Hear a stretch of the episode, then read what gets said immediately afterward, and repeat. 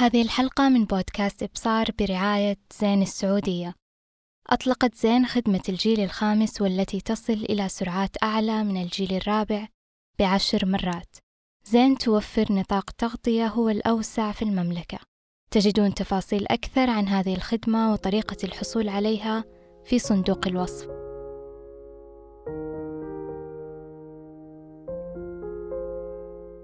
أهلا. أنا مشاعل وهذا بودكاست إبصار. جميعنا يريد تغييرات كبيرة في حياته. نريد أن نكون أكثر قوة أكثر صحة ولياقة أكثر مهارة أكثر غنى أكثر سلام وأكثر تركيز. نريد أن نبدأ عملنا الحر أن نسافر أكثر نكون أصدقاء أفضل وأن نحسن من علاقاتنا العائلية والاجتماعية.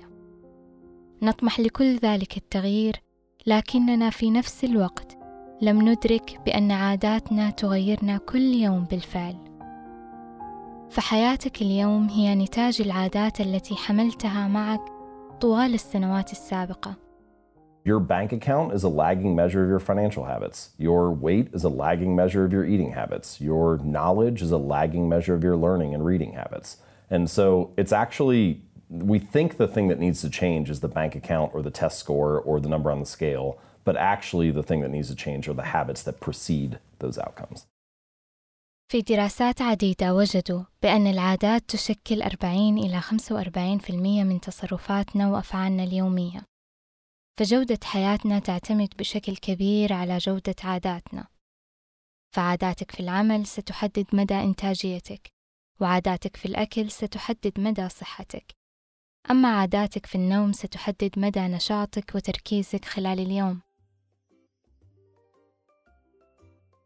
العادات والقرارات اليومية الصغيرة غالبا ما يتم تجاهلها والاستهانة بأثرها لأنها في لحظتها تبدو بسيطة وغير فارقة فما الأثر الذي ستحدثه شطيرة برجر واحدة على العشاء اليوم؟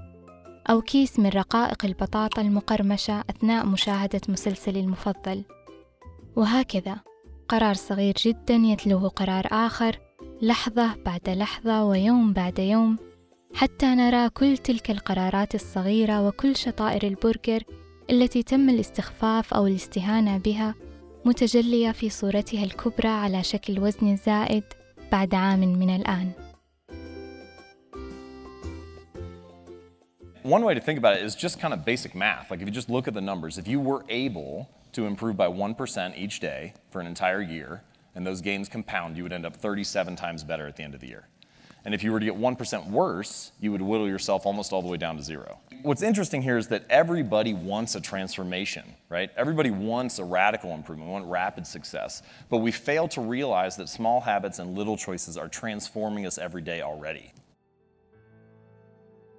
فلو أمكنك التحسن بنسبة واحد في المية فقط كل يوم على مدار عام سينتهي بك الحال وأنت أفضل بسبعة وثلاثين مرة فيما تفعل. والعكس لو أنك أصبحت أسوأ فيما تفعل بنسبة واحد في المية كل يوم فسيتدهور بك الحال وصولا إلى صفر. فما تبدأ به كخسارة بسيطة أو كمكسب بسيط سيتراكم إلى شيء أكبر.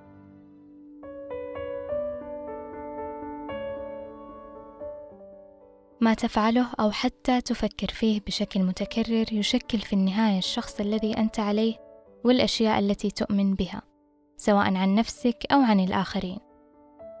فجميعنا لديه تلك القصة التي يعيش داخلها. أنا بطيء الفهم لا أستطيع تذكر الأسماء غير جيد مع الاتجاهات مسوف غير ملتزم بالمواعيد متأخر دائما. البدانة تسري في دماء عائلتي وغيرها من الأحكام التي نطلقها على أنفسنا. هذه القصة تمثل جزء كبير من هويتنا. كيف تشكلت معنا عن طريق التكرار. ففي كل مرة يحدث فيها ما يعزز هذه الأفكار نزداد إيمانا بها. هذه الهوية وهذه المعتقدات السلبية قد تكون هي العائق الذي يقف بينك وبين التغيير الذي تريد. فعندما تكرر قصة لنفسك على مدى سنوات طويلة سيكون من السهل أن تتقبلها كحقيقة.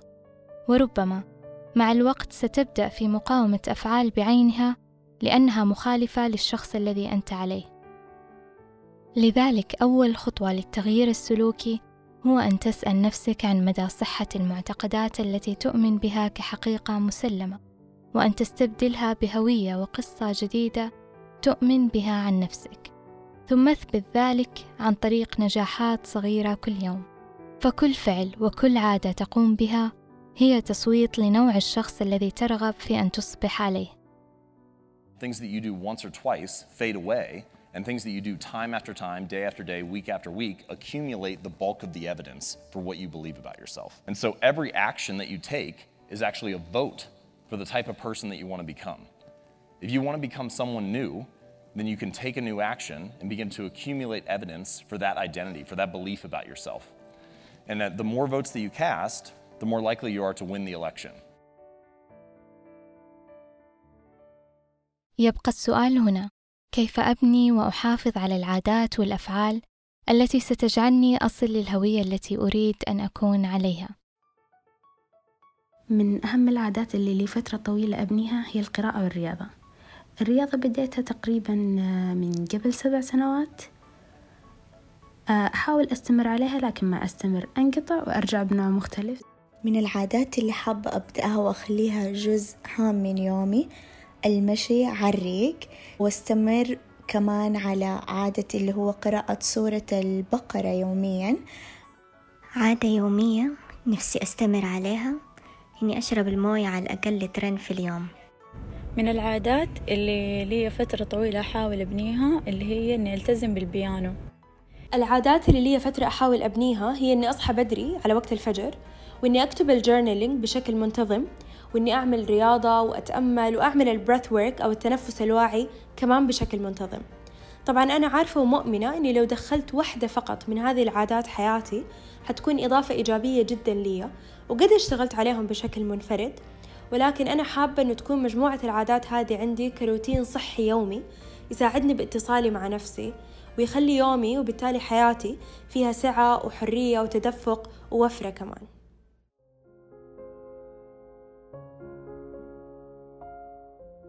يقول الكاتب جيمس كلير في كتابه العادات الذرية بأنه إذا كنت تواجه صعوبة في تغيير عاداتك فاعلم أن المشكلة ليست فيك.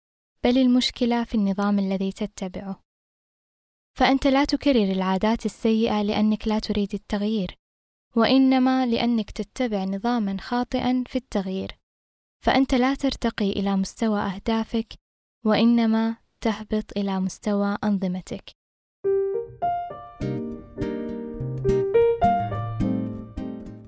كل عادة من عاداتنا اليومية تبدأ بكيو إشارة أو محفز. الهاتف بالقرب منا طوال الوقت صوت التنبيهات ركن الخفائف في جمعات الأهل والأصدقاء المشروبات الغازية في الثلاجة توتر وضغط العمل. كل هذه قد تكون محفزات لعادات نقوم بها يوميا بلا وعي منا. فمثلا صوت التنبيهات محفز يثير لديك الفضول لمعرفة من قام بعمل تعليق على صورتك الأخيرة في حسابك على الإنستغرام. وبالتالي يقودك هذا الفضول للتصفح وضياع الكثير من وقتك على مواقع التواصل الاجتماعي. توتر وضغط العمل قد يدفعك للتدخين. مشاهدة مسلسلك المفضل على نتفليكس قد يدفعك للأكل رغم الشبع. لذلك أول خطوة لتغيير وبناء العادات هي الوعي. الوعي بهذه المحفزات والإشارات ثم إعادة تصميم البيئة المحيطة بما يتناسب مع أهدافك.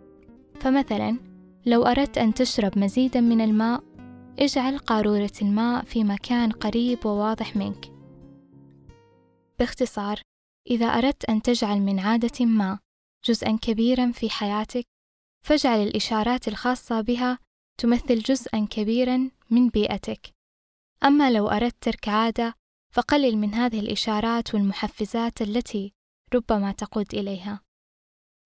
The things that are on your desk at home, your office at work, they influence your behaviors. If you can restructure your physical environment, then you're more likely to actually stick with the right habit. But the question to ask is what are those one or two things that tend to pull the rest of my life in line? You can just build that one habit and you know that there's going to be a lot of good side effects because of it.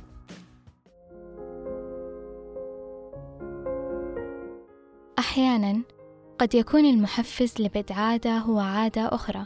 فمثلا غالبا ما ترتبط مشاهدة المسلسلات لفترات طويلة بعادة الأكل اللاواعي وهذا يمكن أن يستخدم في صالحنا. فكما تجر العادات السيئة بعضها البعض كذلك العادات الحسنة. فأحد طرق بناء العادات هو ما يسمى ب habit stacking وهو أن أبني عادة جديدة على عادة موجودة بالفعل. كأن أقرأ صفحة واحدة من كتاب أثناء شرب كوب القهوة كل صباح أو أن أمارس التأمل لمدة دقيقة واحدة بعد صلاة الفجر كل يوم. وهذه الطريقة تساعدنا على تحديد متى بالضبط نمارس العادة الجديدة. فمعظم الأشخاص يعتقدون بأنهم يفتقرون إلى الإرادة وإلى الحافز ولكن ما يفتقرونه حقا هو الوضوح. فنحن عندما نضع هدف لا نعرف متى وأين وكيف سنقوم به.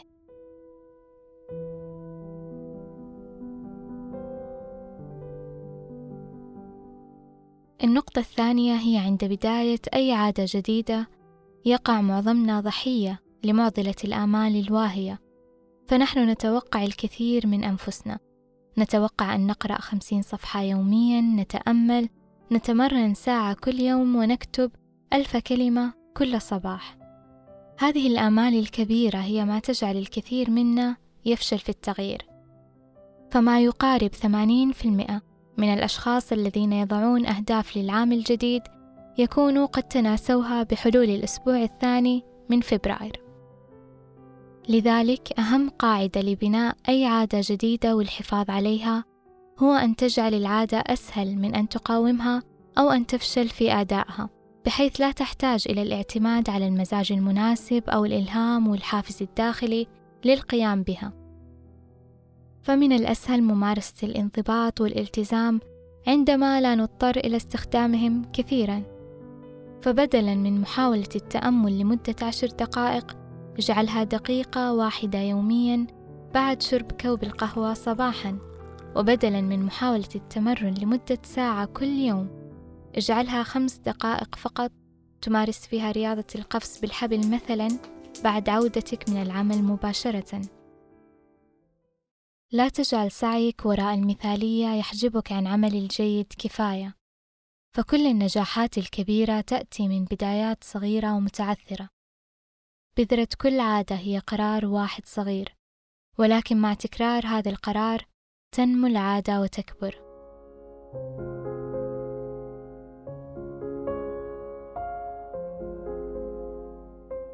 ختاما. بعض العادات تساعدنا على النمو والبعض الآخر نقع تحت أسره. فكن واعي دوما بما تبنيه من عادات وبما تورثه لأبنائك من بعدك. فجودة عاداتك تنعكس على جودة حياتك. إذا نالت هذه الحلقة على إعجابكم لا تنسوا بأن تشاركوها مع أصدقائكم. أيضا أنصحكم بالعودة لحلقة المعتقدات المعيقة. فيها تفاصيل أكثر عن كيفية التغلب عليها ومدى تأثيرها على حياتنا بشكل عام. رابط الحلقة موجود في صندوق الوصف.